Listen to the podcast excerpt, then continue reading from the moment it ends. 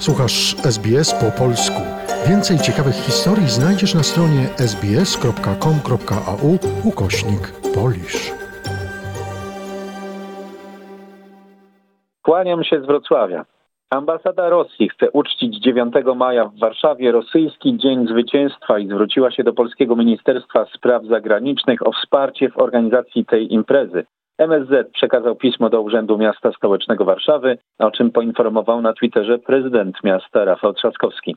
Stanowczo się temu sprzeciwiam. Żadna polska instytucja publiczna nie powinna do tej inicjatywy przyłożyć ręki. Więcej, powinno się jej zakazać. Nie ma mojej zgody na święto agresora w Warszawie, napisał Trzaskowski. Kilkadziesiąt minut po opublikowaniu wpisu prezydenta Warszawy w imieniu resortu spraw zagranicznych odpowiedział jego wiceszef Marcin Przydacz, który napisał, że MSZ nie planował udzielać ambasadzie Federacji Rosyjskiej wsparcia i takiego wsparcia nie udzieli.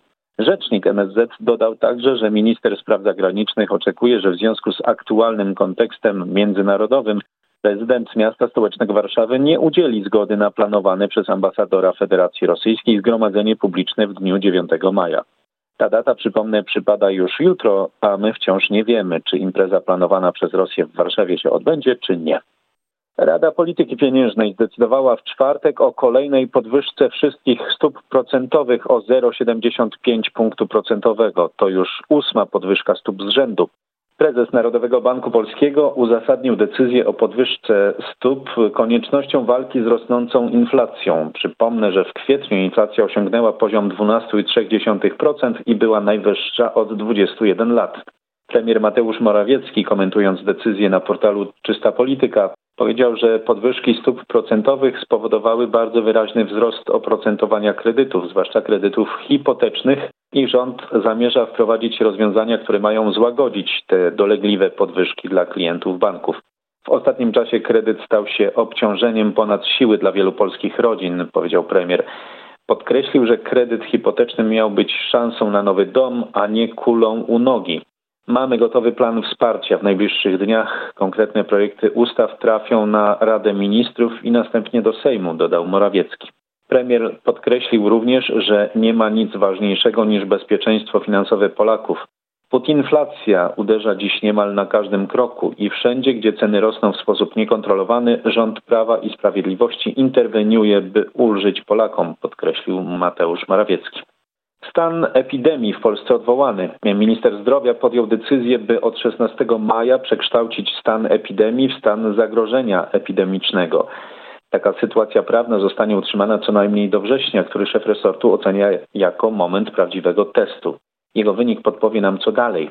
Stan epidemii związany z rozprzestrzenianiem się wirusa SARS-CoV-2 obowiązuje w Polsce od 20 marca zeszłego roku. Ponieważ pandemia COVID-19 jeszcze się nie zakończyła na świecie, nie odwołać ją może wyłącznie Światowa Organizacja Zdrowia, Dlatego stan epidemii w Polsce zamienia się w stan zagrożenia epidemicznego, który oznacza, że w kraju nadal istnieje ryzyko wystąpienia epidemii.